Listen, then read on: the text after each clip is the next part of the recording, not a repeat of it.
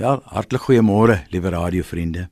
Nou hierteen donderdagoggend het jy seker nou al agtergekom dat hierdie week is ons tema telkens dat God mense wat nie moes gelewe het nie, laat lewe sodat hy die wêreldgeskiedenis kan verander. Toe die wêreldgeskiedenis by sy nulpunt gekom het en God al 400 jaar stil gebly het omdat hy nie kans gesien het om met sy mense te praat nie. Toe begin hy weer by 'n kinderlose priester en sy vrou. Dis nou Sagaria en sy ou vrou Elisabet. En jy werklik waar, sy word swanger. Haar man is so stom vir 9 maande dat sy vrou kan swanger word. Maar die grootste van alle mense wat ooit gebore is, hulle seun Johannes word gebore. En dis hy wat vir die bejaarde Sagaria en Elisabet gegee was wat die voorloper van Jesus geword het.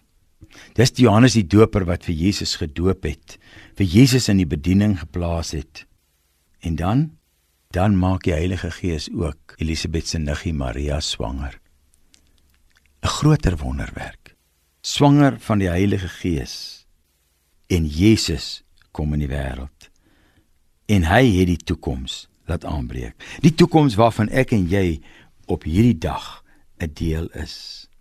Die aaklige verlede word dwars deur die graf heen 'n opstandingslewe. En toe hy opgestaan het met die nuwe ewige lewe kan ons sê die ou dinge is verby. Alles het nuut geword. Nou kan ek en jy toekoms positief sigbaar oor die versier van die kruis die allerbeste vir die toekoms verwag. Want Jesus homself maak die onmoontlike moontlik. Hy het selfs die dood oorwin.